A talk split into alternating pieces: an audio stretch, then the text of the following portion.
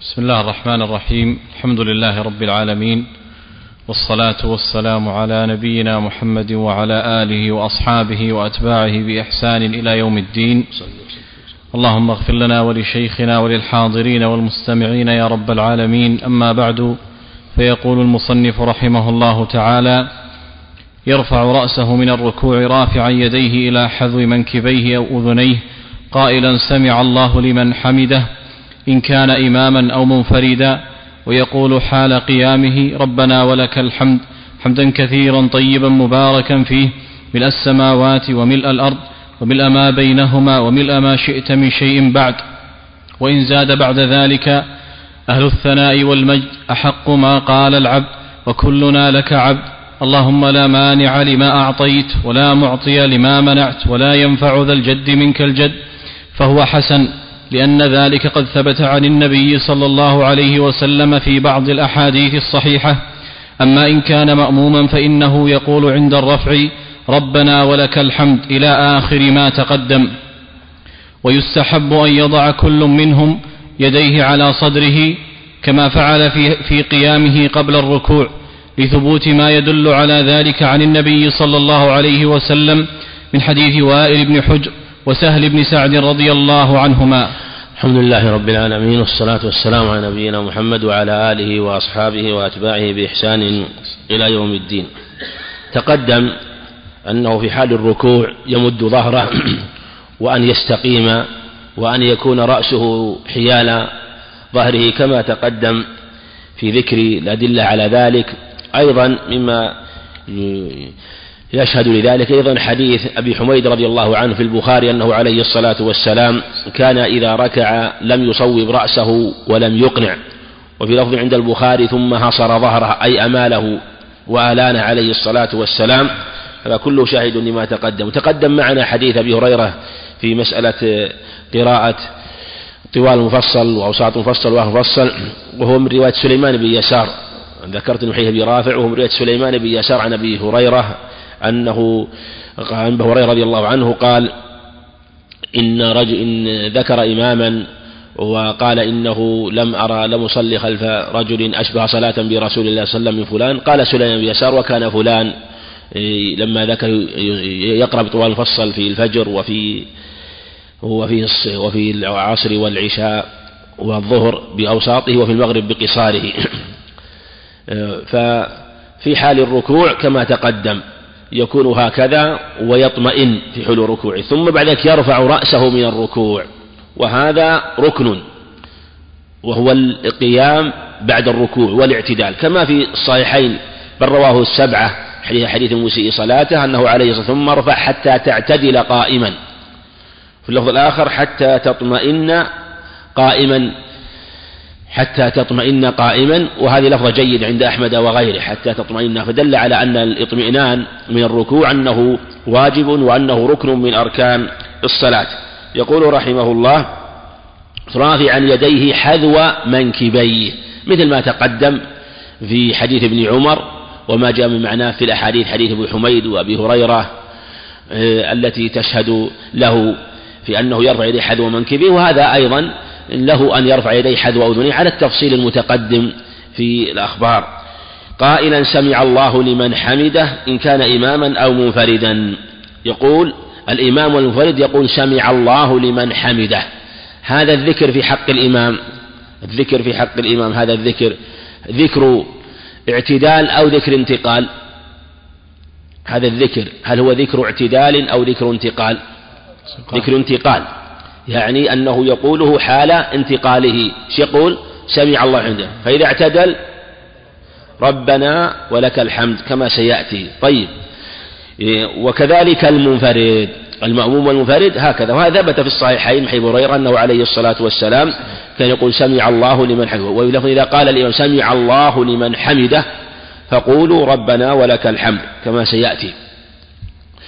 فهذا أيضا في حكمه المنفرد سواء بسواء بلا خلاف فيما يتعلق بأن في هذه أن حكمهما واحد فهو يقول سمع الله لمن حمده سمع الله لمن حمده. والمنفرد يجمع بينهما يجمع بين سمع الله حمده ويقول بعد ذلك ربنا ولك هذا محل اتفاق. حكاه ابن عبد البر حكاه ابن عبد البر وابن المنذر كما ذكر الحافظ رحمه الله محل اتفاق. أن المنفرد يجمع يقول سمع الله الحميد حال الانتقال وحال الاعتدال يقول ربنا ولك الحمد ويكمل الذكر. المأموم الإمام يقول سمع الله لمن حمده سمع الله لمن حمده ثم يقول حال اعتداله ربنا ولك الحمد وهذا هو الصواب وهو قول الجمهور وأنه عليه الصلاة والسلام كان يقول سمع الله لمن حمده ثم يقول حال ربنا ولك الحمد وفي لفظ إذا قال سمع الله حمده فقولوا ربنا ولك الحمد. المنفرد المأموم ماذا يقول؟ إذا أراد أن يرفع وش ذكر الانتقال في حقه إذا أراد أن يرفع المأموم؟ ربنا ولك الحمد. ولك الحمد. يعني ربنا ولك الحمد هذا الذكر متى يقوله؟ هذا سيأتي لعله سيأتي لا نستعجل. يأتينا إن كان مأمون يأتينا. طيب إن كان مأمونه ويقول حال قيامه ربنا ولك الحمد حمدا كثيرا طيبا. ويقول حال قيامه هذا يعني المصلي لو قدرنا العبارة في المصلي يكون أحسن. ليشمل الإمام والمنفرد والمأموم لأن هذا الذكر يقوله الثلاثة. فلا نقول يقول حال قيامه ما سبق ذكره والإمام المنفرد لا.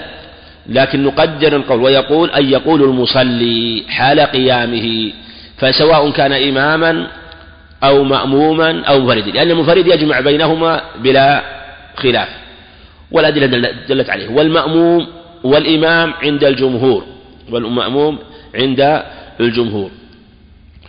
والإمام عند الجمهور والمأموم سيأتينا في كلامه رحمه الله. ويقول حال قيامه ربنا ولك الحمد أي يقول الجميع يقول الجميع في حال الاعتدال حال الاعتدال. لكن نعلم أن أن المنفرد والإمام لا يقول هذا كله يقول ربنا ولك الحمد حال الانتقال. حال الانتقال يقول ربنا ولك الحمد. إذا كنت إماما أو منفردا تقول ربنا فإذا اعتدلت تقول ملء السماوات حمدا كثيرا طيبا بارك ملء السماوات وملء الأرض وما بينهم لم يشد شيء بعد الحديث. وإن زاد بعد ربنا ولك الحمد. ربنا. الرب سبحانه وتعالى هو المربي لعباده بنعمه. سبحانه وتعالى. أو الرب يطلق على المالك المعبود المتصرف سبحانه وتعالى وله الوصفان. يعني يا ربنا ولك الحمد. يعني وأي نثني عليك سبحانه ولك الحمد أو حال كون الحمد لك. وإن قلنا وإن جعلناها وإن جعلناها عاطفة يكون أحسن. حتى لا نقدر نقول ربنا ولك الحمد لا نقدرها الواو حالية بمعنى أنه أننا نقول حال الحمد لك في هذه الحال. وإن كان حال العبد أنه يحمد الله على كل حال لكن إذا قلنا ولك الحمد على كل حال.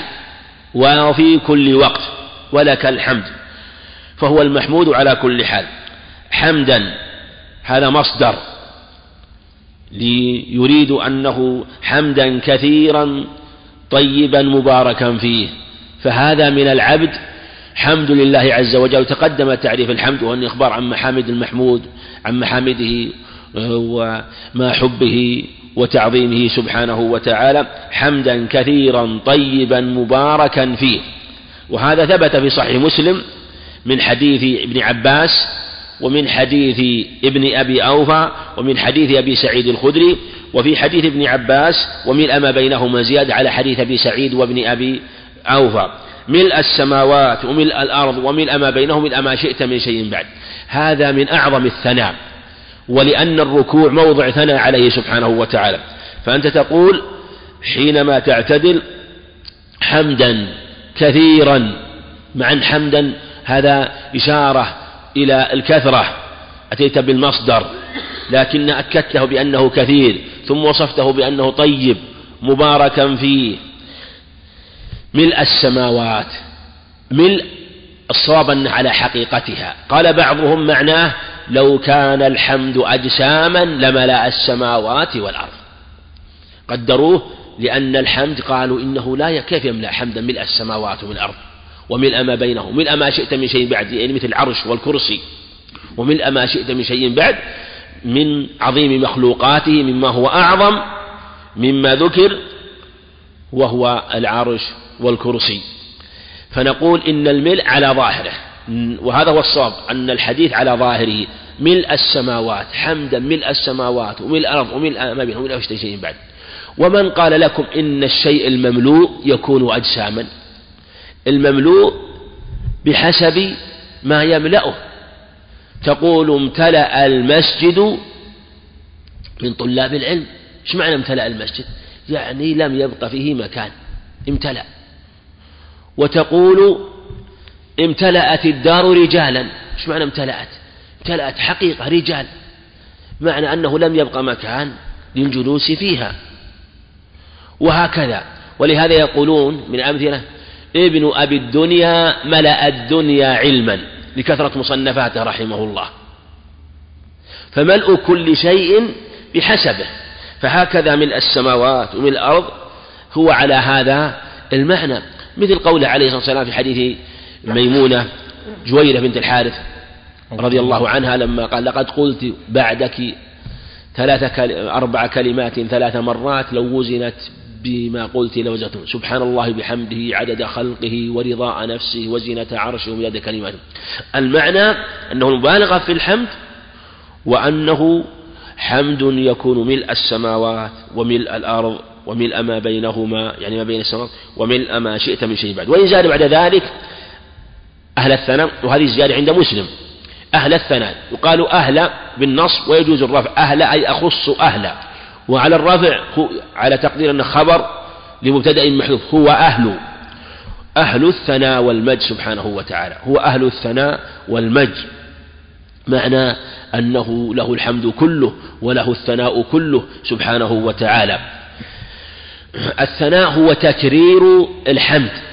ولهذا يقول الله عز وجل قال عبد الحمد لله رب العالمين قال الله حمدني عبدي. وإذا قال ما الرحمن الرحيم قال أثنى علي عبدي. إيش معنى أثنى؟ أي كرر الحمد.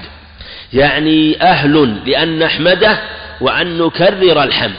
من ثني الشيء وهو تكراره يعني تحمده وتبالغ في الحمد وتكرر حمده. وهذا هو الثناء وأن العبد مهما حمد الله سبحانه وتعالى فإنك لا تحصي ثناء لا نحصي ثناء عليه سبحانه وتعالى. هو كما أثنى على نفسه. لكن حسب العبد أن يجتهد. والمجد المجد هو الملك والعظمة والسعة. ومنه في قول العرب في أمثلة في كل شجر النار. في كل شجر النار واستمجد المرخ والعفار. واستمجد المرخ والعفار. كل شجر ممكن أن توقد من النار لكن استمجد. المرخ والعفار هو أطيب الشجر في استخراج النار. يعني استمجد الشيء صار ماجدا ومنه المج وهو الكثرة. يعني كثرت ناره وكثر ضوءه وقوي ضوءه والمج هو السعة وهو ما يجمع الصفات والأسماء الكاملة سبحانه وتعالى. وفي حديث رواه ابن ماجه بسند فيه ضعف من طريق أبي عمر المنبهي أو المنبهي أن الصحابة رضي الله عنهم كانوا يوما يتحدثون فيقولون مجد فلان في الخيل ومجد فلان في الإبل ومجد فلان في الغنم ومجد فلان في الرقيق. ذكروا أصول الأموال وتجارة الأموال وتجارة العرب الرائجة في ذلك الوقت. فسمعهم النبي عليه الصلاة والسلام ثم صلى ثم لما رفع رأسه الركوع وقال هذا الذكر عليه الصلاة والسلام من السماوات ومن الأرض ومن بينهم ومن ما شئت من شيء. أهل الثناء والمجد. أهل أحق ما قال العبد. ها؟ اللهم ولا ينفع ذا الجد كما وفي آخرة كما سيأتي. ولا ينفع ذا الجد منك الجد.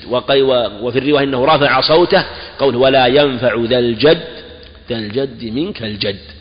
يعني أن أن الجد الحقيقي والكثرة الحقيقية التي تنفع هي ما يكون بالدين والإيمان ولا ينفع الجد وهو السعة في المال والدنيا لا تنفع. يوم لا ينفع مال ولا بنون إلا من أتى الله بقلب سليم. ويذكر عن أبي عمرو الشيباني أنه يرويها بقوله ولا ينفع ذا الجد ذا الجد منك الجد ولا ينفع ذا الجد بكسر الجيم. يعني أن العبد مهما اجتهد ومهما عمل لا ينفعه اجتهاده إن لم يرحمه الله ويؤيده ما رواه الشيخان ومعناه عن أبي هريرة أنه عليه الصلاة والسلام قال لن يدخل أحد منكم عمله الجنة. قالوا ولا أنت يا رسول قال ولا أنا إلا أن يتغمدني الله برحمة منه وفضل. لكن الرواية بقوله ذا الجد ذا الجد وأحق أحق يعني هو أحق سبحانه أحق قول العبد وأولى قول العبد وأعظم قول العبد هو هذا الثناء أحق ما قال العبد.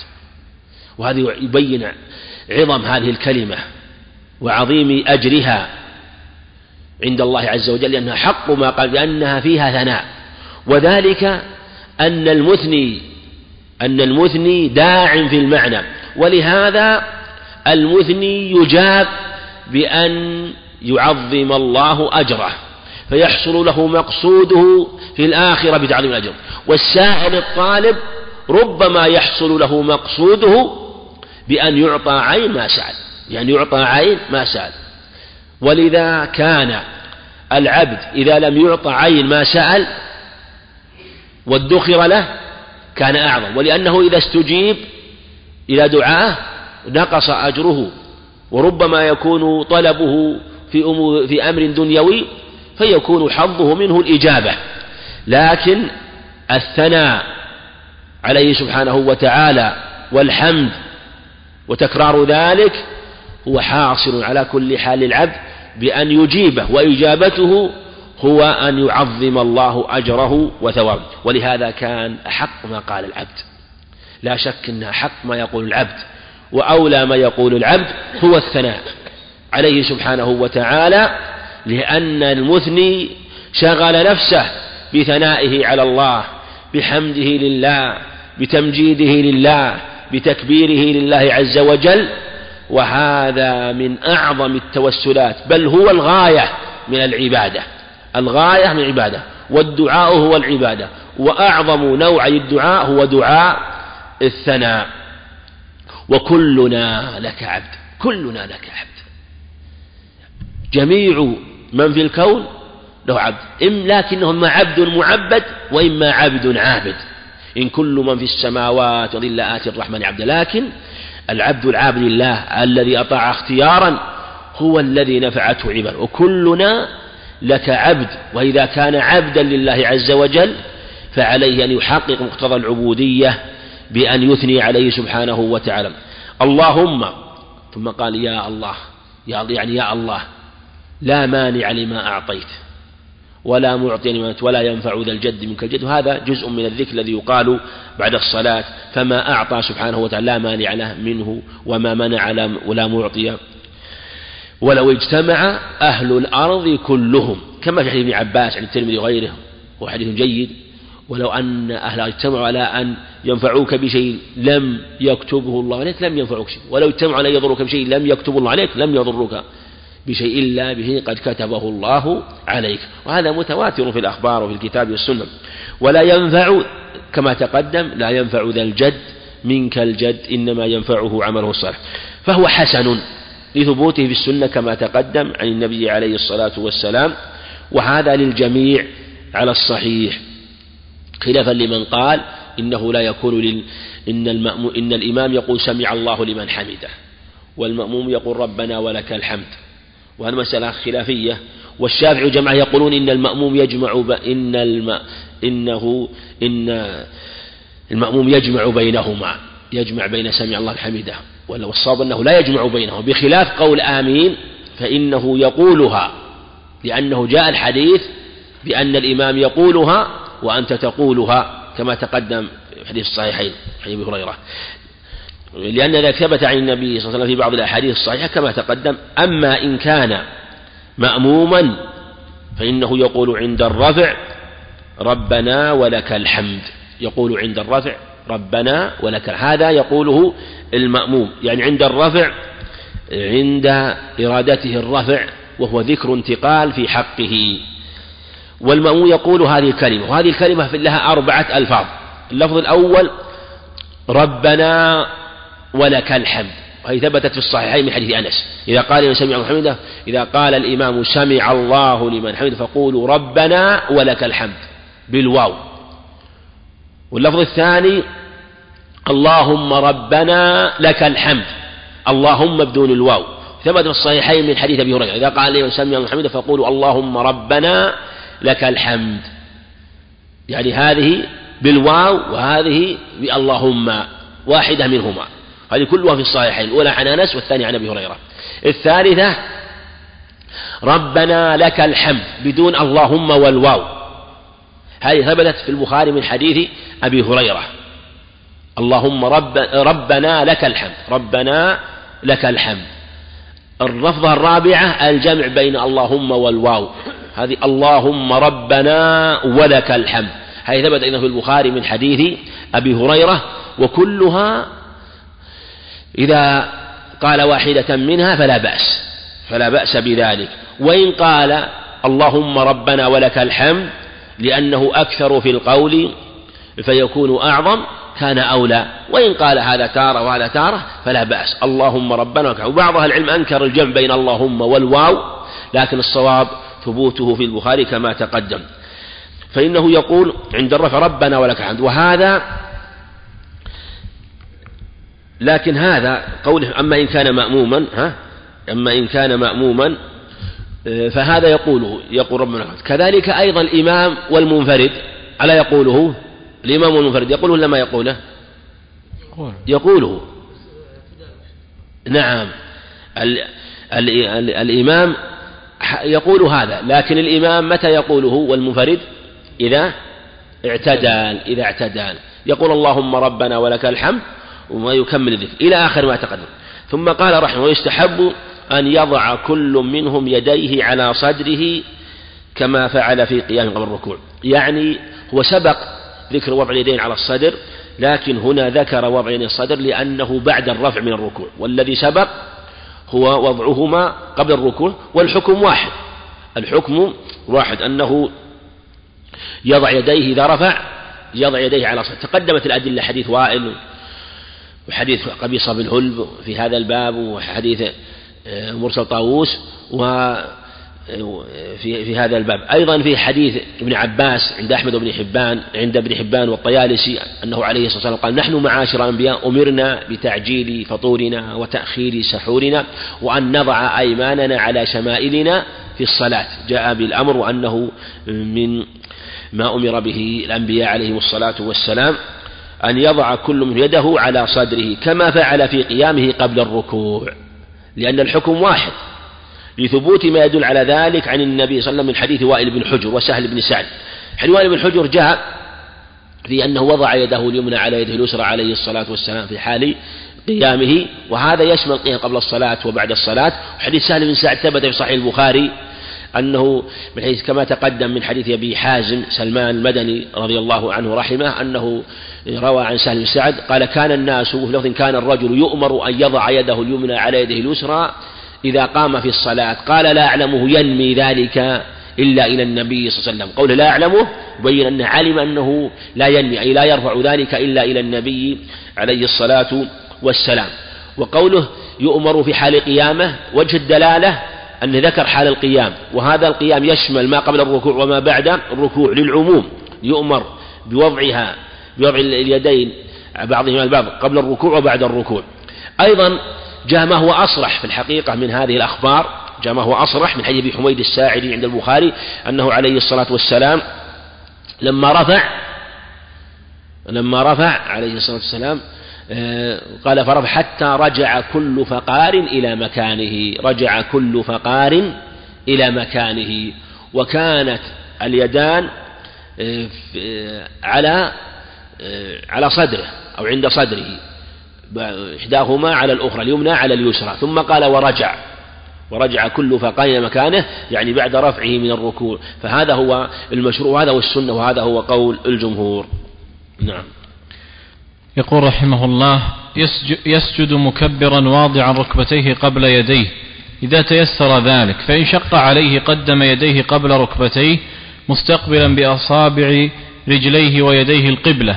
ضاما أصابع يديه ويكون على أعضائه السبعة الجبهة مع الأنف واليدين والركبتين وبطون أصابع الرجلين ويقول سبحان ربي الأعلى ويكرر ذلك ثلاثا أو أكثر ويستحب أن يقول مع ذلك سبحانك اللهم ربنا وبحمدك اللهم اغفر لي ويكثر نعم نعم نعم, نعم يقول رحمه الله يسجد مكبرا يعني ثم بعد ذلك بعد اعتداله وهو ركن كما تقدم وهذا وهذا الاعتدال آه، لا بد من اطمئنان فيه. وجاء في الحديث المروي من طرق من حديث علي بن شيبان ومن حديث أبي عقبة مسعود أبي عقبة أبي مسعود عقبة بن عمرو رضي الله عنه أنه عليه الصلاة والسلام قال لا تجزئ صلاة لا يقيم الرجل فيها صلبه في الركوع والسجود.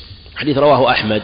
ورواه ابن ماجه من حديث علي بن شيبان ورواه للسنن من حديث أبي مسعود عقبة بن عمرو والأحاديث في أسانيدها كلام لكن بمجموع يدل رواية أبي مسعود ومن حديث علي بن شيبان وجاء أيضا عن غيرهما آه، أنه عليه عليه الصلاة والسلام قال هذا وأنه لا تجزي صلاة لا يقيم الرجل فيها صلبه في الركوع والسجود. قل لا تجزئ يدل على أنه آه، ركن فيها وأن الاعتدال فيها كذلك والأحاديث مجموعة تشهد بعضها البعض. أقصد هذه الأحاديث. أما نفس الاعتدال فقد ثبت في الصحيحين معناه في حديث المسيء صلاته وفي أحاديث أخر وقوله يسجد مكبرا يسجد وهذا يبين أن أنه بعد ذلك يسجد مكبرا. شوف حال مكبرا حال. يعني مع نزوله إلى السجود يقول الله أكبر. هذا خلاف ما يقع في كثير من الناس حينما يريد يسجد يقول الله أكبر ثم يسجد. أو يسجد ثم إذا سجد قال الله أكبر. تجد سجوده تكبيره أثناء السجود أو تكبيره أثناء القيام. فكله خطأ. لأن التكبير هذا وش تكبير انتقال ولا تكبير قيام ولا تكبير سجود؟ تكبير انتقال من السجود إلى من من القيام إلى السجود. فلا تج فلا تكبر وأنت قائم تقول الله أكبر. لكن ما في مانع لو أنه ابتدأ التكبير حال القيام آه، لا بأس. قال الله ثم هوى. وإن خشي إن كان إمام أن يسبق ما في مانع أن يتأخر ويبتدئ بالتكبير بعد انحنائه المقصود أن التكبير يكون حال الانحناء. لكن لا يراعي أن يكون من أول انحناء يبدأ بهمزة الله أكبر بالهمزة وفي آخره قبل سجوده ينتهي من الراء لا. لا يراعي هذا ولا يظهر أنه عليه الصلاة والسلام كان يراعي هذا لكن يكون السجود حال الانتقال.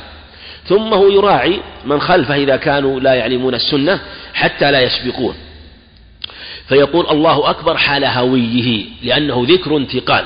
وبعضهم تجد يسجد الله أكبر حال السجود فيجعله من ضمن ذكر السجود أو من ضمن ذكر القيام. قال يسجد مكبرا. وهذا التكبير على الصحيح واجب. كما هو مذهب أحمد خلافا للجمهور. لأنه عليه الصلاة والسلام قال صلوا كما رأيتموني يصلي ونقل الصحابة صلاته. بل ثبت في الحديث عند أبي داود حيث رفاعة بن رافع حديث المسيء صلاته لأن رواه أبو هريرة رواه رافع بن رفاعة بن رافع عند أبي داود بإسناد صحيح. وفيه أنه عليه الصلاة والسلام قال إنه لا تتم صلاة أحدكم حتى يضع الطهور مواضعه ثم يستقبل القبلة ويكبر ثم ذكر التكبير بعد ذلك. التكبير بعد ذلك في صلاته وأن هذا هو المشروع أنه يكبر وجعل الصلاة لا تتم إلا به فلهذا كان التكبير واجبا. واضعا ركبتيه قبل يديه ركبتيه قبل يديه. أيضا نبه إلى قبل هذا أن التكبير هنا في جميع الانتقال حتى لا يفوتنا أن التكبير هذا في جميع الانتقال. إلا في قول سمع الله لمن حمده ربنا ولك الحمد فهذا في حق الإمام وهذا حق المنفرد والمأموم فإنه يكبر في وقد جاء في حديث مسعود عند الترمذي وغيره أنه عليه الصلاة والسلام كان يكبر في كل خفض ورفع. ثبت في الصحيحين من حديث هريرة أنه عليه الصلاة والسلام كان يكبر في كل خفض ورفع.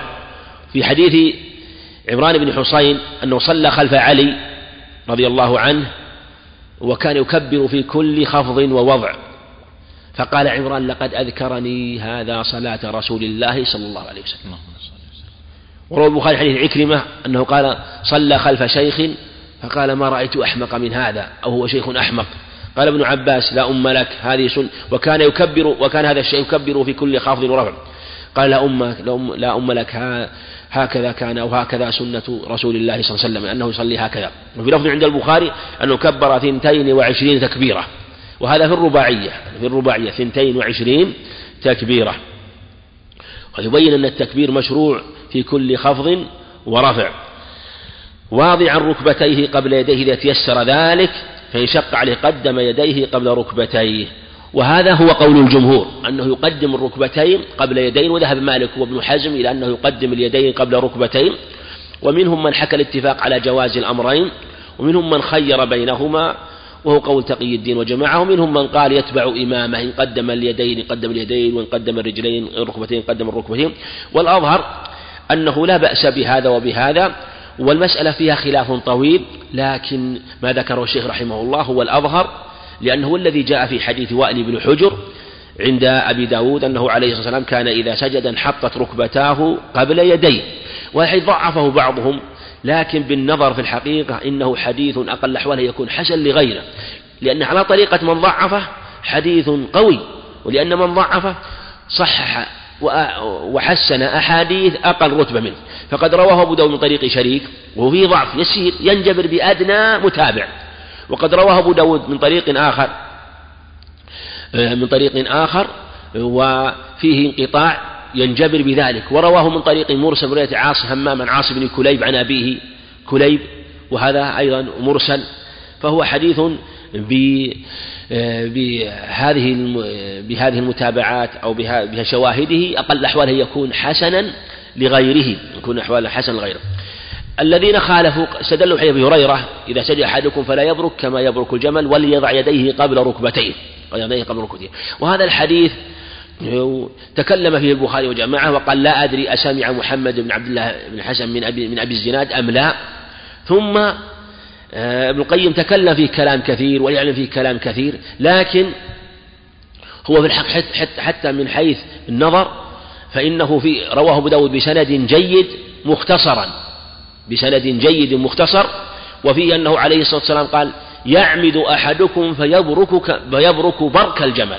يعمد أحدكم فيبرك برك الجمل ولم يذكر قوله فليضع يديه قبل ركبته.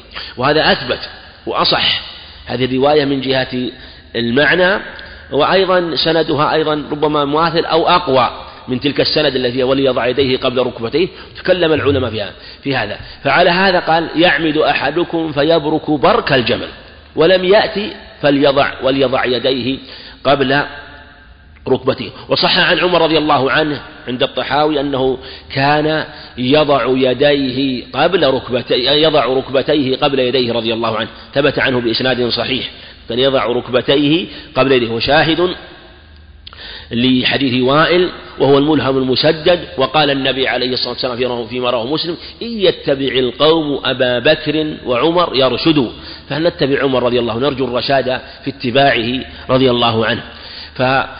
ففي هذا الحديث قال يعمد أحدكم فيبرك برك الجمل برك الجمل ولم يذكر ما بعده. وهذا جار على آه، النهي عن التشبه بالحيوانات التشبه بالحيوانات. مع في خلاف في ركبتي الجمل وما لكن بصرف النظر عن هذا فإن الإنسان منهي أن يتشبه بالحيوانات. والجمل إذا سقط سقط على مقدمة. أول ما يسقط ينزل على مقدمه ثم بعد ذلك ينزل ينزل نزولا قويا أمامه ويسقط أمامه. ولا شك أن من ينزل على يديه فإنه يشبه الجمل بصرف النظر عن ركبتيه هل في يديه أو في رجليه.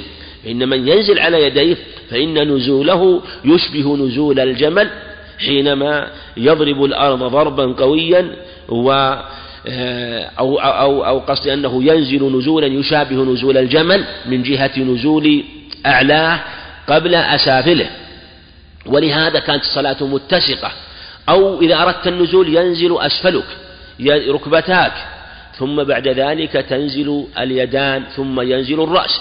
إذا أردت أن ترتفع يرتفع أعلاك ترفع رأسك. ثم يديك ثم ركبتيك.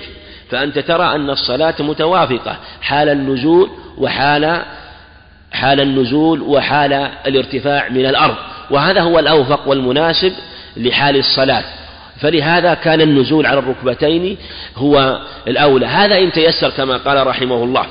ولهذا قال فإن شق عليه قدم يديه. وبعض العلماء لا يشترط المشقة يقول كلاهما جائز ولا بأس وحكى الاتفاق ذلك لكن الظاهر الظاهر أنه مثل ما ذكر رحمه الله أنه إن أمكن تقديم الركبتين كان هو الأولى فإن شق بأن ضعف وثقل عليه فينزل على يديه.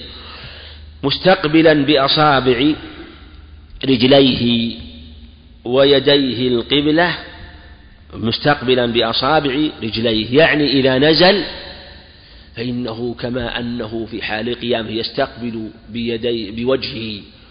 وكذلك برجليه وأصابع القبلة هو كذلك يكون في حال السجود. أصابعه تكون إلى القبلة لا يغيرها. وكان عليه الصلاة والسلام إذا سجد فتح أصابعه كما عند أبي داود.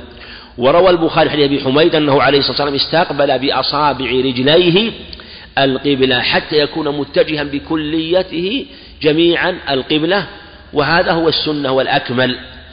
وضاما أصابع يديه وهذا حال السجود أن تكون أصابعه مضمومة كما سبق أيضا في حال آه، التكبير تكون مضمومة. كذلك في حال السجود. أراد التفريق بينها وبين وضع الأصابع على الركبتين كما تقدم أن نفرج بينهما كما تقدم في الأحاديث. أما في حال السجود فإنه يضمها وهذا جاء وهذا هو الظاهر من حال المصلي أنه هكذا. ولهذا الصحابة رضي الله عنهم لما أنه فرج ذكروا الاستثناء. فرج إذا كان فيه تفريج ذكروا الاستثناء. فلما أنه فرج أصابعه في ركوعه ذكروا حال الركوع أنه عليه كان يفرج فسكتوا. فلما سكتوا كان الأصل أن الأصابع تكون على حالها من الضم قبل ذلك. فالسكوت دليل على والأصل بالبقاء على ما كان. فلما استثنوا حالة الركوع وأنه فرج دل على أن ما سواه يبقى على ذلك. ثم جاء حديث رواه الحاكم والبيهقي من رواية هشيم بن بشير الواسطي رحمه الله وهو ثقة لكنه مدلس أنه عليه الصلاة والسلام لما ركع فرج أصابعه ولما سجد ضم أصابعه فهو في باب الشواهد ويكون على أعضائه السبعة على أعضائه السبعة يكون على يعني حال السجود وهذا من واجباته يجب أن يكون على أعضائه السبعة. بينها رحمه الله قوله الجبهة مع الأنف والركبتين وبطون أصابع الرجلين. شوف قال بطون لأن ضواء لأن أمامها ومقدمها ورؤوسها لأن رؤوس الأصابع إلى جهة القبلة لكن يكون على بطون أصابع الرجلين. فهي سبعة. ثبت في الصحيحين من ابن عباس أمرت أن أسجد على سبعة أعظم الجبهة والأنف الجبهة والأنف وذكر الوجه وفي بعض الجبهة والأنف وهي عضو واحد. عضو واحد تارة يفرد الأنف وتارة يذكر. فذكر الجبهة قال واليدين والركبتين والرجلين أو القدمين. وهذا واجب وجاءت وفي حديث في رفض عند مسحن العباس أمرت أن أسجد على سبعة آراب أي سبعة أعضاء. والآمر له والله عز وجل سبحانه وتعالى. ولهذا يجب أن يسجد عليه ولا يجوز أن يرفعها إلا من عذر. ربما فرط بعض الناس فرفع رجله فلا يرفع إلا من عذر. ويقول حال سجوده نعم. سبحان ربي الأعلى ويكرر ذلك ثلاثا كما تقدم في حال الركوع أنه يقول ذلك ثلاثا. تقدم في حديث عقبة في هذا الباب تقدم حديث مسعود في هذا الباب وحديث مسعود حديث عقبة وإن كان فيه مالين لكن حديث عقبة فيه من طريق إياس بن عامر وفيه أنه مقبول كما يقول الحافظ وكذلك أو أنه فيه يعني ليس بذاك المشهور بذاك المشهور وكذلك حديث مسعود أنه كان يسبح ثلاثا ويقول ذلك أدناه برواية عون بن مسعود وهو منقطع لابن بن مسعود. لكن يشهد له, له ما ثبت في صحيح مسلم أنه عليه الصلاة والسلام حين حذيفة لما أنه ركع جعل يقول سبحان ربي العظيم يكرر سبحان ربي العظيم وكان ركوعه قريبا من قيامه. ولما سجد سبحان ربي الأعلى وكان سجوده قريبا من ركوعه عليه الصلاة والسلام. هذا شاهد للتكرار. أما الوجوب تقدم في حديث عقبة أيضا وأنه هو الأظهر.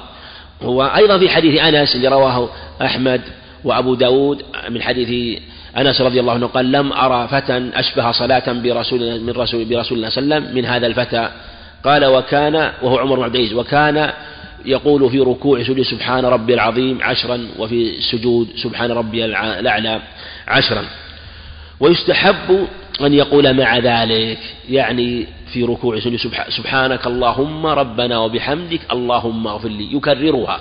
ثبتت في الصحيحين كما تقدم حديث عائشة وهذا يشرع في السجود آه، وفي الركوع. ثم ينبغي أن يعلم أن هذا الدعاء ثبت في صحيح مسلم أنه عليه الصلاة والسلام كان يكثر منه دائما كما يعني في صلاته وخارج صلاته فهو من الأدعية والأذكار التي تقال عموما في الصلاة وخارج الصلاة. نعم.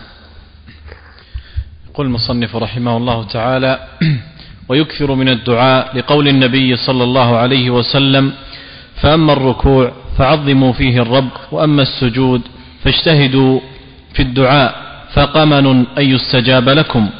وقوله صلى الله عليه وسلم أقرب ما يكون العبد من ربه وهو ساجد فأكثر الدعاء.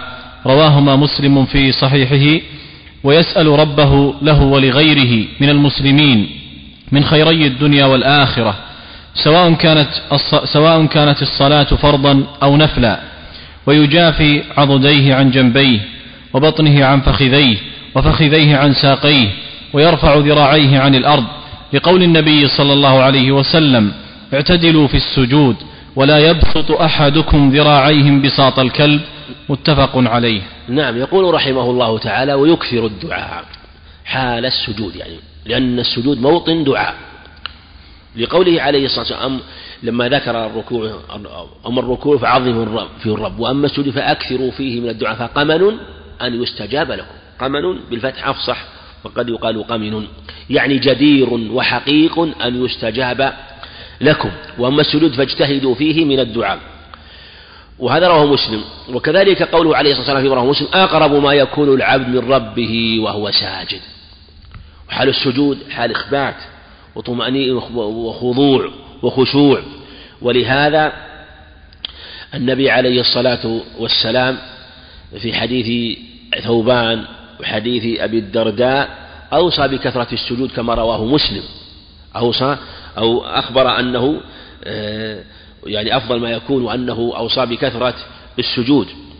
آه، وكذلك في حديث ربيعة بن كعب في صحيح مسلم أنه قال سلني أن النبي لما رآه يخدم يخدمه وكان شابا لم يتزوج صغيرا وكان يبيت عند غرفة النبي عليه الصلاة والسلام فقال له عليه يوم من الأيام سلني يعني من الدنيا من حاجتك لأنه شاب والشاب قد يخجل. فبادر عليه الصلاة والسلام وجاء الحديث مطول عند أحمد.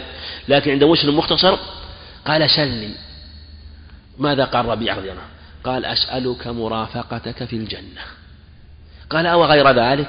قالت قلت بل هو ذاك. قال عليه الصلاة عليه الصلاة والسلام فأعني على نفسك بكثرة السجود. وفي حديث ثوبان المتقدم وحديث أبي الدرداء أنه عليه الصلاة والسلام قال إنك لن تسجد سجدة لله إلا رفعك الله بها درجة وحط عنك بها خطيئة. قال فذكرته لأبي الدرداء فقال أنا سمعته من رسول الله صلى الله عليه وسلم. إنك لن تسجد لسجدة إلا رفعك الله بها درجة وحط عنك بها خطيئة. ولهذا كان السجود من أسباب محو السيئات ومن أسباب رفعة الدرجات. والسجود حال دعاء مع أنه يشرع فيه التعظيم. لكن الدعاء بمعنى المسألة والطلب يكثر العبد فيها من حاجته. والركوع حال تعظيم وثناء لكن لا بأس أن يسأل وأن يطلب فيه لكن التعظيم والثناء فيها فيه أكثر. وهذا وهذا الموطن من المواطن التي ترجى فيها إجابة الدعاء. ولهذا يقول رحمه الله ويسأل ربه بعدما رواهما مسلم في صحيح يعني هذين الحديثين ويسأل ربه يسأل ربه. يعني من كل شيء. لا تحقر شيء. يسأل أحدكم رب حاجته كلها حتى يسأله شسع نعله إذا انقطع كما رواه الترمذي.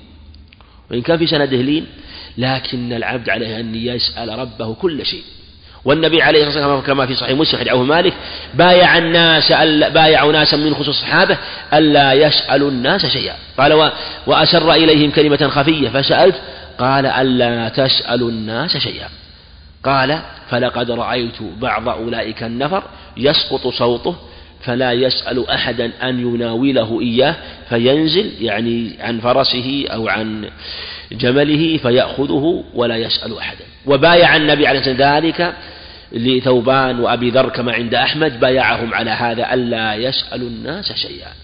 في حديث ابن عباس متقدم وحديث حديث ابن متقدم ومن الحديث النووية إذا سألت فاسأل الله إياك نعبد وإياك نستعين سلوا الله من فضله فإن الله يحب أن يسأل كما رواه الترمذي. الله يغضب إن تركت سؤاله وبني آدم حين يسأل يغضب. فسل الله كل شيء. كان كثير من السلف إذا أصبح واحتاج شيئا سأل ربه. لو لم يجد ملحا في بيته سأل ربه. والوقائع والشواهد على ذلك كثيرة. لمن صدق يقينه فإنه يعطى بحسن ظنه ورجائه لله عز وجل. يعطى. يروى أن إسحاق إبراهيم الحربي رحمه الله كان في بيته وسألته ابنتاه طعاما سألت أمهما فلم تجد شيئا. فقالت أنا وإياك نصبر. لكن هاتان لا تصبران. فانتظر يجيء خيرا. وكان رحمه الله يجلس في دهليز بيته. وكان ينشر كتبه. وعنده اثنى عشر ألف جزء. يأخذ هذا ويضع هذا. يطالع العلم ويقرأ. فبينما هو كذلك وكان عشاء قبل صلاة العشاء وكان قد أوقد السراج يطالع في أجزاءه فطرق الباب فقال الطارق أطفئ السراج. فامتثل رحمه الله أطفأ السراج ثم فتح الباب وأدخل إليه شيئا محمولا في إناء ثم أدخله فوجد فيه سرة فيها خمسمائة درهم وفيها منديل فيه من أصناف الأطعمة. فأخذ رحمه الله ثم يعني كاد يبكي من من رحمة الله عز وجل وبحسن ظنه ورجائه فجاء هذا الطعام وجاء هذا المال الذي كان سببا من سداد دينه. وفي واقعة الله أيضا أنه كان مرة رحمه الله عند باب بيته وفي دهليزه يطلب العلم فإذ جاء إنسان على فرس فجعل يسأل أين إسحاق؟ أين دار إسحاق الحربي؟ وكان وقت قال هذه داره وأنا إسحاق. وإذا على الفرس حملين يمينا وشمالا دراهم ممتلئ. ثم أنزلها قال هذه بعث بها إنسان من خراسان. شوف إنسان من خراسان. لا يعرفه ولا. قال قلت من هو؟ قلت والله لا أقوله وإنه لا يرى ذلك. فأنزل هذه الدراهم العظيمة رحمه الله. وذاك الذي قلط السراج لماذا؟ لأنه يريد أن لا يطلع عليه. هكذا كانوا رضي الله عنهم. كانوا لا يريدون من الناس جزاء ولا شكورا. إنما نطعمكم لوجه الله لا نريد منكم جزاء ولا شكورا. كانت عائشة رضي الله عنها إذا تصدقت بشيء وأرسلت جارية وكانت تحب الصدقة كانت تقول لخادمها انظر ماذا يقولون واحفظ ماذا يقولون. احفظ. فإذا قالوا كما يقول الناس حينما يعطون وينفعون ويتصدق عليهم جزاكم الله خيرا آه، وما أشبه ذلك شكر الله لكم أثابكم الله فالله لكم. فتقول قالوا كذا وكذا. فترد عليهم عائشة بمثل ما قالوا. تقول نرد عليهم ما يقولون ويبقى أجرنا على الله. لا نريد منكم جزاء ولا شكورا. هذا متواتر عن الله عليهم. بخلاف من يتصدق أو يطعم ويريد من المتصدق عليه أن يعرف منته وأنه إذا رآه لابد أن يذكر معروفه. هذا في الحقيقة صدقته موضع نظر إن لم يتدارك نفسه.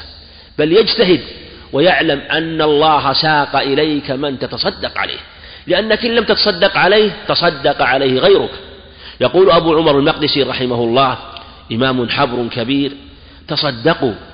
بارك الله فإنكم إن لم تتصدقوا تصدق عليه غيركم وأنتم إن تصدقتم تصدقتم عن أنفسكم وإن لم تتصدقوا وجد من يتصدق عليه.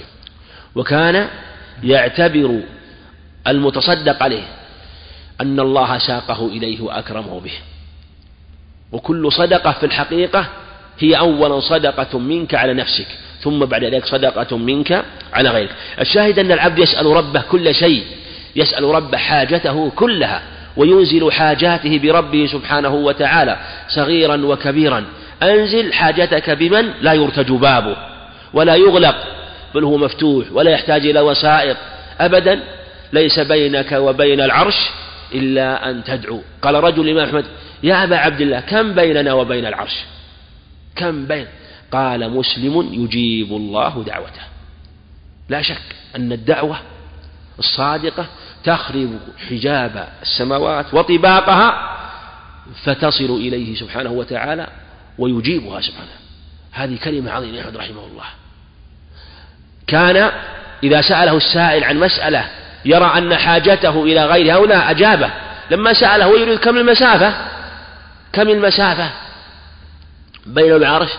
قال مسلم يجيب الله دعوته. جواب مسدد. ولهذا لما جاء مرة إنسان يا أبا عبد الله أتوضأ بماء الباقي لا أتوضأ بماء الشجر فأجاب رحمه الله ثم لما أراد يقوم أمسك بثوبه قال له هل هل تعلم كيف تقول إذا دخلت المسجد؟ قال لا أدري. قال هل تعلم كيف تقول إذا خرجت؟ قال لا أدري. قال اذهب فتعلم هذا ثم سل عن هذا رحمه الله.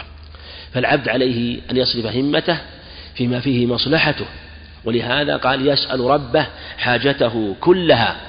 حاجة قال له أولا لأنه كما في حديث أبي بن كعب عند مسلم كان عليه الصلاة والسلام إذا دعا بدأ بنفسه ثم بغيره. وإن كان لا بأس أن يبدأ بغيره لا بأس كما ثبت في الأخبار يرحم الله أم إسماعيل يرحم الله موسى كلها في الصحيح البخاري. لكنه العبد يبدأ بنفسه أولا يسأل ربه له ولغيره.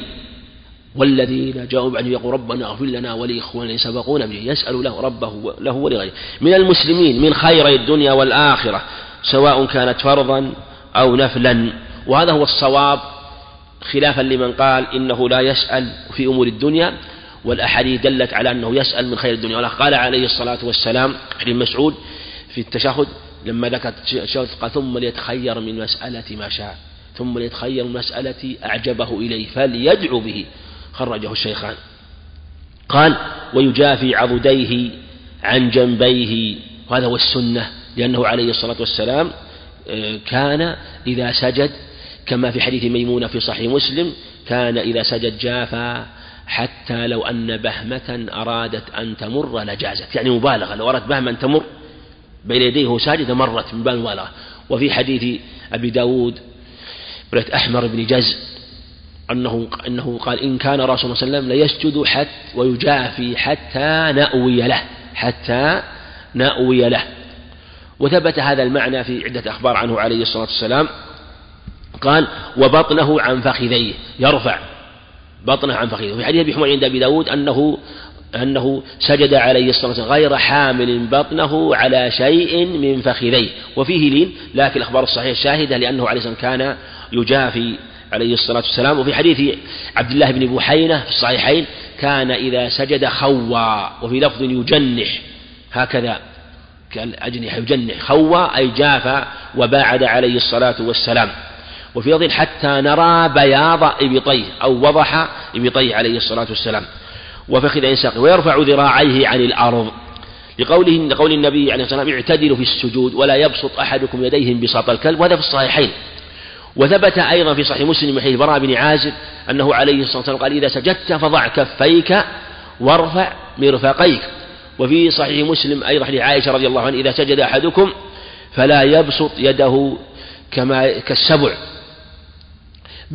يعني كالكلاب بل يرفع يديه يضع يديه ويرفع مرفقيه. وهذا هو المشروع. والسنة كما تقدم أنه يجافي وأنه يرفع يديه.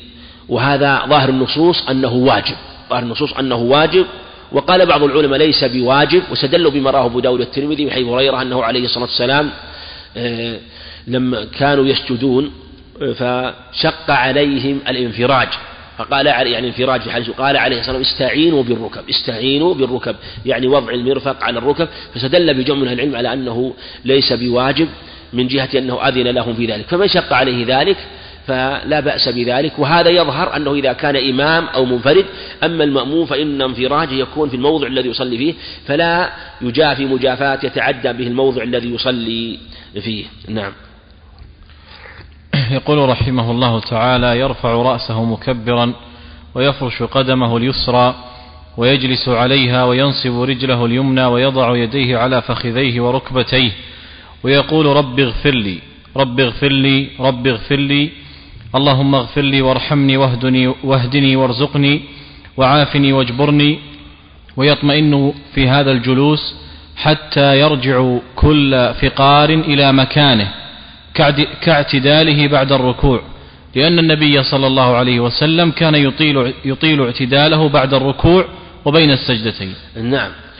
كما قال رحمه الله تعالى يرفع أيضا رأسه مكبرا كما تقدم في التكبير وأن التكبير هذا تكبير انتقال وهذا واجب كما قدم يرفع رأسه كما يقول ارفع يقول الله أكبر فلا يعتدي إلا وقد فرغ من التكبير لأنه ذكر انتقال.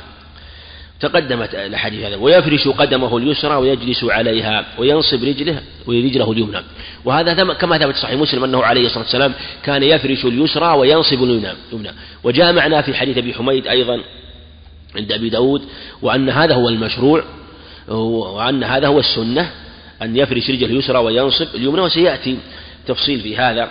في مسألة التشهد ويضع يده يديه على فخذيه وركبتيه يعني بين السجدتين لأنه عليه الصلاة والسلام كان يجلس في الصلاة وضع يديه على فخذيه سيأتي صفة وضع اليدين على الفخذين وصفة اليد في التشهد في الأحاديث عن وائل بن حجر وعبد الله بن الزبير وابن عمر كما سيأتي إن شاء الله. ويقول يعني بين السجدتين رب اغفر لي يكررها. يعني ثبت في حديث حذيفة عند الخمسة أو جاء في حديث حذيفة عند الخمسة ومنهم من ضعف بأنه روي عن رجل من بني عبس وجاء في بعض الروايات ما يدل على أنه صلة بن زفر أنه كان يقول رب اغفر لي رب اغفر لي يكرر رب اغفر لي رب اغفر لي يعني يكرر في هذا.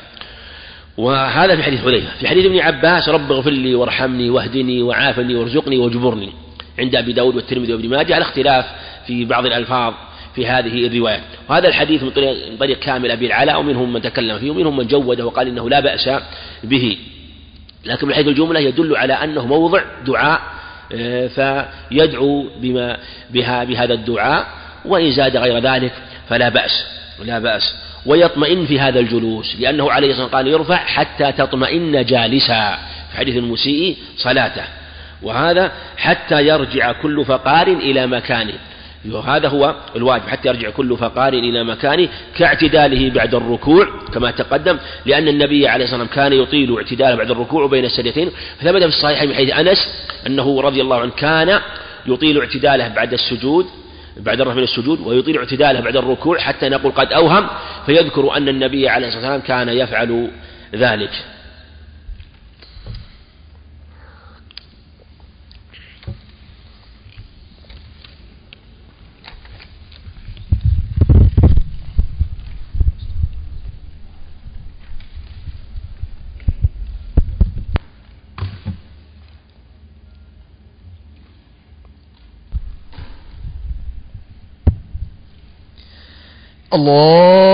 الله أكبر الله أكبر الله أكبر الله أكبر أشهد أن لا إله إلا الله أشهد أن لا إله إلا الله.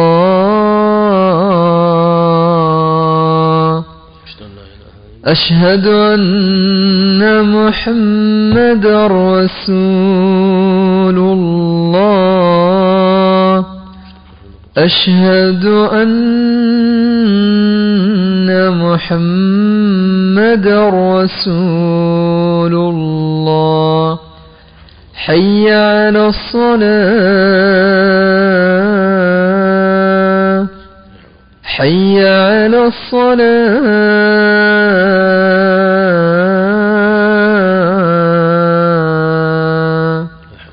حي على الفلاح.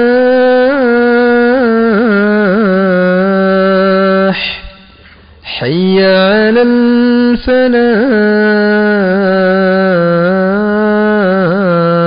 الفلاح الله أكبر الله أكبر لا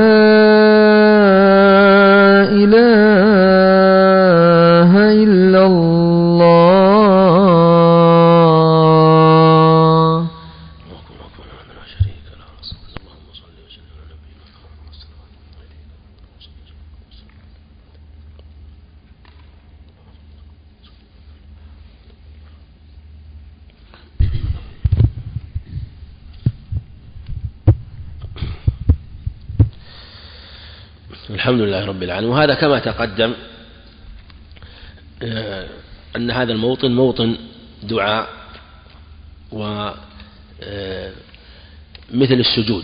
ولهذا قال في رب اغفر لي رب اغفر لي. وهذا يبين أن حالة المصلي في سجوده وجلسته بين السجدتين أنه يكثر من الدعاء بمعنى الدعاء معنى المسألة. وهذا مناسب لأن المصلي قبل ذلك أثنى عليه سبحانه وتعالى في حال قيامه وفي حال ركوعه. فلما قدم الثناء شرع بعد ذلك أن يكون سؤاله وطلبه بعد ذلك. وهذا هو السنة في كل دعاء أن يثني أولا عليه سبحانه وتعالى ثم بعد ذلك يصلي على النبي عليه الصلاة والسلام ثم بعد ذلك يسأل الله حاجته. فإذا كان خارج الصلاة يكون على هذا ويكون تأمينه تأمينه يكون بعد ذلك في ختام الدعاء في ختام الدعاء. وهذا ثبتت به الأخبار عن النبي عليه الصلاة والسلام. فالشاهد أنه يكثر من الدعاء والمسألة ويطيل في هذين الموطنين في اعتداله بعد في اعتداله بعد السجود وفي كذلك في جلوسه في سجوده كما تقدم في حديث أنس. نعم. يقول رحمه الله تعالى يسجد السجدة الثانية مكبرا ويفعل فيها كما فعل في السجدة الأولى. نعم وهذا كما تقدم يسجد مكبرا ويسبح فيها كما تقدم ويكثر من الدعاء يسأل الله من خير الدنيا والآخرة على الصفات المقدمة في السجدة الأولى سواء بسواء. نعم. يقول رحمه الله تعالى يرفع رأسه مكبرا ويجلس جلسة خفيفة مثل, مثل جلوسه بين السجدتين. وتسمى جلسة الاستراحة وهي مستحبة في أصح قولي العلماء. وإن تركها فلا حرج وليس فيها ذكر ولا دعاء. نعم. ثم ذلك يرفع رأسه مكبرا. يعني من السجدة الثانية وهذا لأن التكبير ذكر انتقال وظاهر كلامه رحمه الله أنه إذا أراد أن يجلس الاستراحة أن يقول أن يكون التكبير إذا أراد أن يجلس الاستراحة وأراد أن يكبر تكبير انتقال أن يكون تكبير انتقال متى؟ يكبر ثم يجلس وإذا أراد أن يقوم جلس استراحة ماذا يصنع؟ يكبر ولا ما يكبر؟ نعم ما في لأنه قد كبر. سبق. فظاهره أنه. أنك تكبر وتجلس ثم تقوم بلا تكبير. وهذا هو المنقول في السنة. وهذا هو الذي يقول رحمه الله لكن هو رحمه الله في صلاته لا يصنع هكذا. هو يقوم ولا يكبر ثم إذا أراد القيام كبر. يقول قيام كبر. يقول هذا أرفق بالمصلين ولأنه ربما سبق المصلون. كان يجلس الاستراحة ثم لا يكبر. يجعل يؤخر التكبير رحمه الله في ثم يقوم ثم يقوم مكبرا يقول وإن كان هذا لكن لأن الناس ربما لا أكثرهم لا يعرف السنة وربما لا يدري أن الإمام يجلس استراحة. فلو أنه كبر ثم جلس ربما سبقه وقاموا إلى القيام. وقام. لكن من كان من خلفه يعلمون ذلك يعلمون أو بين لهم ذلك ثم قام وكبر وجلسوا معه وربما الذين معه لا يجلسون الاستراحة ربما لا يراها بعضهم. أو فلهذا نقول الإمام في مثل هذه الحالة يراعي حال المأمومين فيكون الأحسن إذا أراد يجلس الاستراحة إما أنه لا يجلس الاستراحة أو إذا أراد أن يقوم لا يكبر حتى يقوم من الاستراحة. فهي أحوال تارة يكون الذين معه يجلسون استراحة يعلمون السنة بذلك وأنه يكبر ويجلس. هذا لا بأس وهذا هو الأكمل. كبر ويجلسون ويجلس جميعا ثم يقوم يقوم ويقومون. يقوم ويقومون بلا تكبير. الحال الثاني إن كان يخشى ذلك في هذه الحالة أو أنهم لا يجلسون جلسة استراحة أو أنهم يجلسون لكن لا يعرفون السنة فيؤخر التكبير. حتى لا يقع في أمر محظور. الحالة الثانية كان إن كان لا يريد إلا أن يكبر ويكبر قبل يكبر ثم يجلس والذين خلفه لا يعلمون السنة فنقول في هذه الحالة لا يجوز الاستراحة لا يجوز الاستراحة بل يتركها رعاية لحال المصلين. فالمقصود أنها سنة كما قال الشيخ فمن فعلها فلا حرج ومن تركها فلا حرج وهي قد يجوز جلسة خفيفة مثل الجلوس بين السجدتين يعني يعني هذا في صفته ليس في قدره. أما في قدرها فهي خفيفة تسمى جلسة الاستراحة وهي مستحبة في أصح قول العلماء كما هو قول الشافعي رحمه الله خلافا للجمهور. وفيها خلاف لأهل العلم منهم من قال إن النبي فعلها لما بدن وكما هو كما ذكر صاحب المغني رحمه الله وهو في المذهب و وإن تركها فلا حرج. هذه ثبتت فيها ثلاثة أحاديث جلسة استراحة ثبتت فيها ثلاثة أحاديث صحيحة. الحديث الأول حديث مالك بن حويرث كان النبي عليه الصلاة والسلام إذا كان في وتر من صلاته وإذا رفع رأسه من السجدة الثانية جلس ثم قام. جلس ثم قام. هذا رواه البخاري.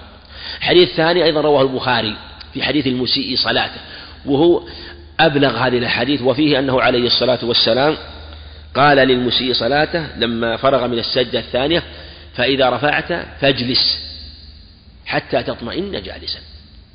هذه لم يذكرها البخاري في كتاب الصلاة إنما ذكرها أظن في كتاب الاستئذان وأشار إلى أنها وهم وإن ثبتت هذه الرواية ففي الحقيقة تدل أقل ما تدل أن جلسة الاستراحة واجبة. لأنه قرنها وشبهها بالجلوس بين السجدتين. يجلس حتى تطمئن جالسا. فظاهر الحديث أنها واجبة أو ركن. لكن لم يقل بها أحد من العلماء وهذا يشهد أنها وهم. وقد أشار البخاري رحمه الله إلى أنه لكن رواها في صحيحه ولم يذكرها في كتاب الصلاة إنما ذكرها بعد ذلك في كتاب الاستئذان. أو في غيره وأظن في كتاب الاستئذان رحمه الله وأشار إلى وهم فيها. الحديث الثالث حديث أبي حميد الساعدي عند أبي داود بإسناد صحيح. وهذا هو الصواب كما ذكر رحمه الله. ومنهم من قال لا يجوز استدلوا برواية عند أبي داود أنه عليه الصلاة والسلام قام ولم يتورك. لكن هذه الرواية فيها ضعف ولو ثبتت لا تدل لأنه لأن الذين نقلوا ذلك لم ينقلوا يعني من نقل صفة صلاة لم يستوعب كل سننها. فنقل لكن يؤخذ مجموعها من مجموعهم. يؤخذ مجموع صفة صلاة من مجموعهم. فربما نقل بعضهم شيئا لم ينقله غيره. وربما ترك شيئا إما أنه لم يحفظه أو أنه عليه الصلاة لم يفعله في تلك الحال لأنه ليس من واجبات الصلاة. فربما فعله أحيانا وتركه أحيانا كما قيل في جلسة الاستراحة. نعم. قال رحمه الله تعالى ثم ينهض قائما إلى الركعة الثانية معتمدا على ركبتيه إن تيسر ذلك وإن شق عليه اعتمد على الأرض بيديه ثم يقرأ الفاتحة وما, وما تيسر له من القرآن بعد الفاتحة كما سبق في الركعة الأولى ثم يفعل كما فعل في الركعة في الركعة الأولى. نعم يقول رحمه ثم ينهض قائما إلى الركعة الثانية يعني بعد قيامه من الاستراحة. وهذا مثل ما تقدم أنه رحمه الله يقول إن السنة في الأصل أنه إذا أراد أن يجلس الاستراحة فإنه يكبر ثم يجلس ثم ينهض. وأشير أيضا إلى أن شيخ الإسلام رحمه الله يقول إن جلسة الاستراحة لأن سنة فإن كان الإمام لا يصنعها فأنت لا تفعلها تبعا للإمام. لا, لا, لا تفعل تبعا للإمام. يقول إن مصلحة المتابعة خير من التخلف ولو كان فيه تحصيل سنة. وهذه السنة السنة الفعلية يترتب عليها التأخر. فيقول مصلحة المتابعة للإمام أولى من التأخر. لأن النبي عليه الصلاة والسلام قال إنما دعي ليؤتم به الحديث. فتتابعه. ويدل عليه أنك إذا جئت والإمام يعني إذا وافقت الإمام مثلا في التشهد آه، آه، الأوسط وأدركت الركعة الثانية من صلاة من صلاة الظهر أو العصر أو العشاء أو المغرب فإنك تجلس معه في التشهد مع أن هذا ليس موضع جلوس لك أليس كذلك؟ لماذا؟ لأنه تحقيق للمتابعة للإمام. ولو فعلته وأنت منفرد عمدا بطلت الصلاة. لو فعل عمدا في صلاة الفريضة بطلت الصلاة. لكن وجب عليه يتابع لمصلحة المتابعة. شوف انظر المتابعة. جعلت أن يجب عليك متابعة في أمر لو فعلت وأنت منفرد لأبطل صلاتك. وهذا أيضا له صور كثيرة. و... وثم أيضا أنت إذا صليت الركعة الثانية وهو يقوم الركعة الثالثة. أصل الركعة الثانية أنت في موضع جلوس أليس كذلك؟ تشهد. ومع ذلك لا تجلس. لماذا؟ لأن الإمام قائم. فلو قلت أنا بجلس جلسة خفيفة بجلس بسرعة وأقرأ التشهد بسرعة. وأقوم نقول لا يجب عليك أن تتابعه. فإذا كان هذا في مثل هذا يجب عليك ذلك. فكذلك إذا كان في في مثل هذا الواجب الذي تركته واجب عليك فالذي هو سنة في الأصل نقول تركك له لأجل مصلحة المتابعة أولى من فعلك إياه مع التأخر. لأن النبي عليه الصلاة والسلام أمر إذا ركع فاركعوا إذا سجد فاسجدوا. فأنت إذا قام تقوم معه لأنك إذا جلست ترتب عليه التأخر واختلاف والنبي عليه الصلاة والسلام قال فلا تختلفوا عليه. وهذا نوع من الاختلاف. فلأجل هذا آه، تكون مصلحة المتابعة كما قال شيخ الإسلام أولى. هذا في السنة الفعلية بخلاف السنة القولية الذي لا يترتب عليها خلاف تقولها. فأنت لو فرض أن الإمام ترك بعض السنن القولية تقولها في ركوعك في سجودك لأنه لا يترتب عليه اختلاف. يقول رحمه الله ثم ينهض قائما الركعة معتمدا على ركبتيه إن تيسر ذلك. هذا هو قول جمع من أهل العلم يقوم معتمد على ركبتيه. استدلوا بالحديث المروي عند أبي داود وغيره أنه عليه الصلاة والسلام اعتمد حديث وائل بن حجر اعتمد على ركبتيه وضع يديه على فخذيه ثم قام. هذه الرواية. وعند البخاري يدل على عند البخاري أنه اعتمد على الأرض ثم قام. اعتمد على الأرض قال يصنع كما يصنع مثل شيخنا هذا وكان شيخنا يحكي عن النبي عليه والسلام وكان إما سله الأكوع أو غيره وكان إذا قام من السجود اعتمد على الأرض ثم قام. فعلى هذا نقول إن اعتمد على الأرض فلا بأس وإن اعتمد على ركبتيه فلا بأس إنه كل أنه كله ورد عن النبي عليه الصلاة والسلام. وإن شق على اعتمد على الأرض بيديه بيديه كأنه يقول إن هذا هو الأولى أن يعتمد على ركبتيه. وإن شق اعتمد على الأرض بيده ثم يقرأ الفاتحة كما تقدم في الأدلة وما تيسر له من القرآن. هذا في حق من؟ الإمام والمنفرد والمأموم في السرية والمأموم في السرية. وكذلك المأموم في الجهرية إذا وجد متسعا بعد قراءة الفاتحة. فإن الصلاة لا سكوت فيها إنما هي قنوت وإنما هي يعني التكبير يعني الذكر والصلاة وقراءة قراءة ولا يصلح فيها شيء من كلام الناس من تسبيح إنما هي التسبيح والتكبير وقراءة القرآن كما رواه مسلم رحمه الله. كما سبق في الركعة الأولى سواء بسواء والأدلة هي الأدلة. ثم يفعل كما فعل في الركعة الأولى يعني يحيلك رحمه الله إلى إلى ما سبق ذكره. نعم. قال رحمه الله ولا يجوز للمأموم مسابقة إمامه لأن النبي صلى الله عليه وسلم حذر أمته من ذلك وتكره موافقته للإمام والسنة له أن تكون أفعاله بعد إمامه من دون تراخ وبعد انقطاع صوته لقول النبي صلى الله عليه وسلم إنما جعل الإمام ليؤتم به فلا تختلفوا عليه فإذا كبر فكبروا وإذا ركع فاركعوا وإذا قال سمع الله لمن حمده فقولوا ربنا ولك الحمد وإذا سجد فاسجدوا الحديث متفق عليه. نعم قف على هذه يقول رحمه الله ولا يجوز للمأموم لما فرغ رحمه الله من صفة الصلاة بين حكما مهما يتعلق بالمأموم أنه لا يجوز له مسابقة الإمام. لا يجوز له مسابقة الإمام. لقول النبي عليه الصلاة والسلام كما صحيح هريرة أما يخشى وفي لفظ عند البخاري أولا يخشى الذي يرفع رأسه قبل الإمام أن يجعل الله رأسه رأس حمار أو صورته صورة حمار. رواه البخاري. وعند مسلم بالجزم. أن يجعل الله رأسه رأس حمار بلا تردد. وعند مسلم أيضا أن يجعل الله أن يجعل الله وجهه وجه حمار. وفي لفظ عنده أن يجعل الله صورته صورة حمار. وأثبت الرواية وأصحها أن يجعل الله رأسه رأس حمار. وهذا هو الذي عند مسلم من حديث حماد بن زيد وعند حماد وعند الطيالس حديث حماد بن سلمة. وهو الثابت آه، عن محمد بن زياد عن أبي هريرة لأنه الحديث رواه عن محمد بن زياد شعبة وحماد بن سلمة وشعبة وشعبة شك فيه لكن اتفق الرواة حماد بن سلمة وحماد بن زيد على الجزم بأنه أن يجعل الله رأسه رأس حمار. وجاء من بعض الرواة أنهم قالوا صورته صورة حمار ووجهه وجه حمار. وهذا يبين أنه وعيد شديد أن يجعل الله رأسه رأس حمار. هذا وعيد شديد. والظاهر أن معناه الوعيد وعلى ظاهره إذا سابق الإمام أن يج... وهذا التهديد في قوله أن يجعل الله رأس حمار وعيد شديد يدل على التحريم بلا إشكال.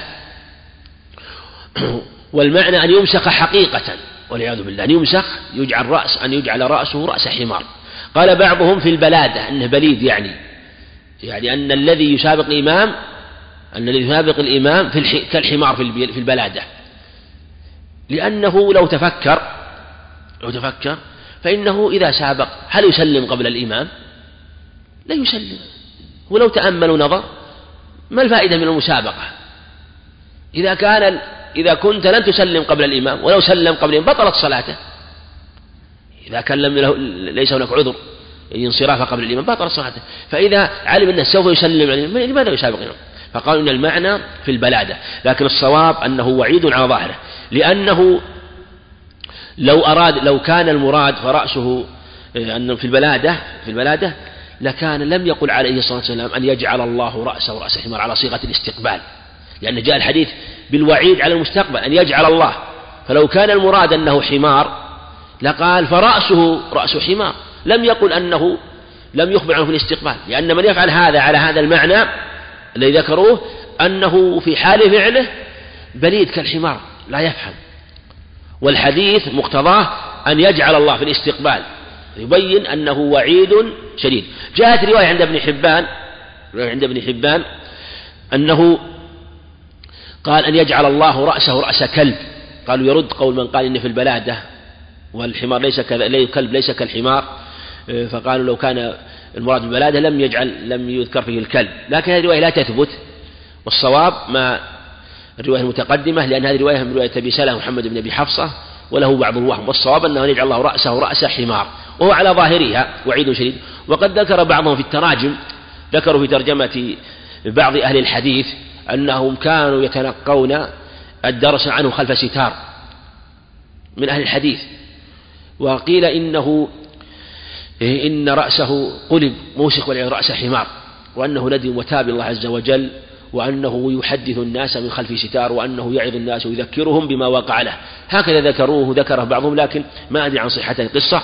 وهم يستشهدون بأن مثل هذا واقع وهذا واقع من جهة أنه ثابت المسخ في هذه الأمة في الأحاديث الكثيرة يقع فيها المسخ. فلهذا حذر عليه الصلاة والسلام. وبين هذا لا يجوز كما ذكر رحمه الله لا ولا يجوز للمأموم مسابقة إمامه. لا يجوز أن يسابقه. بركن ولا إلى ركن. لأن النبي حذر أمته من ذلك وهو وهو الخبر المتقدم وتكره موافقته للإمام. يعني لا يكبر معه. وبعض العلماء حرم. قال لا يحرم الموافقة لأنه عليه السلام قال إنما جعل يتم به كما سيأتي. والسنة له وهذا هو الأقرب. قال إذا كبر فكبروا وإذا ركع فاركعوا.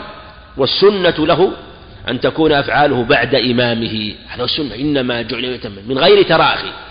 فلا يسابقه ولا يوافقه ولا يتأخر. بل تكون بعده من غير تراخي. وبعد انقطاع صوته. قول بعد انقطاع صوته رحمه الله هو يريد بذلك من يكون إذا كان الإمام آه، إذا كان الإمام يكون انقطاع صوته عند فراغه من الركن الذي هو فيه. إذا كان انقطاع صوته عند فراغه من الركن فيه فإذا كان انقطاع صوته الله أكبر للسجود بمجرد انتهاء يكون قد سجد. بمجرد بقوله الله أكبر للركوع بمجرد انتهاء من الله أكبر يكون قد ركع. وإلا فالسنة المتابعة بعد انقطاع حركته لا بعد انقطاع صوته هذا هو السنة.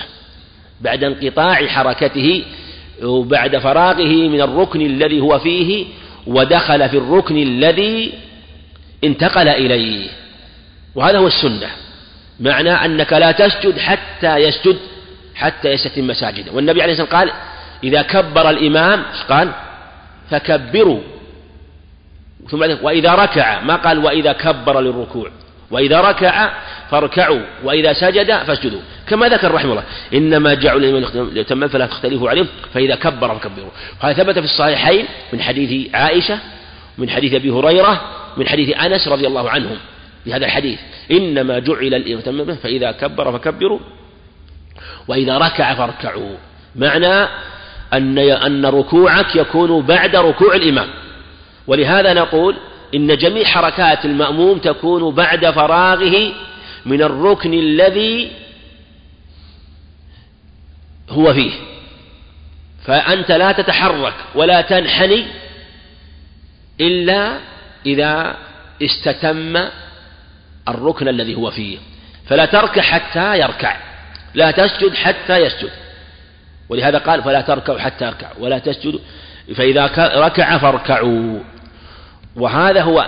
ولهذا لا ينبغي النظر إلى الصوت. بعض الناس ربما بعض الأئمة ربما يكبر للركوع ويفرغ منه قبل أن ينتصف انحناءه فقد فإذا تبعت الصوت ربما ركعت قبله.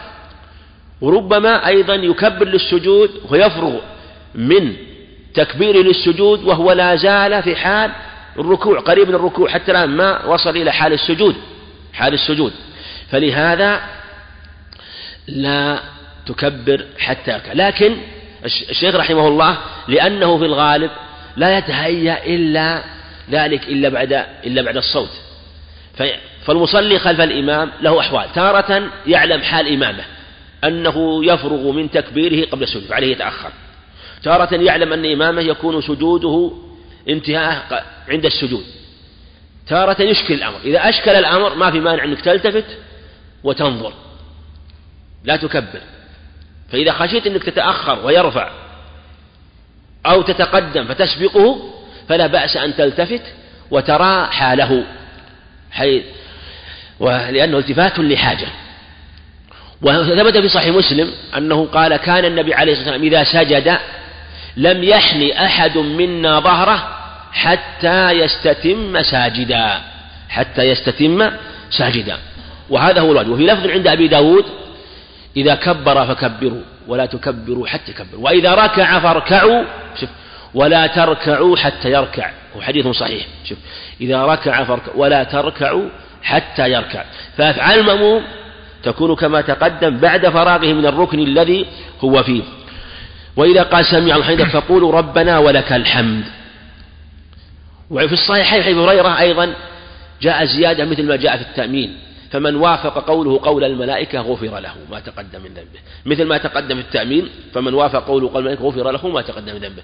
يبين هذا الفضل فيما تقدم وهذا متعلق بما تقدم في آه، في الذكر في الركوع. فأسأله سبحانه وتعالى ولكم علم النافع والعمل الصالح. آمين. وصلى الله وسلم وبارك على نبينا محمد.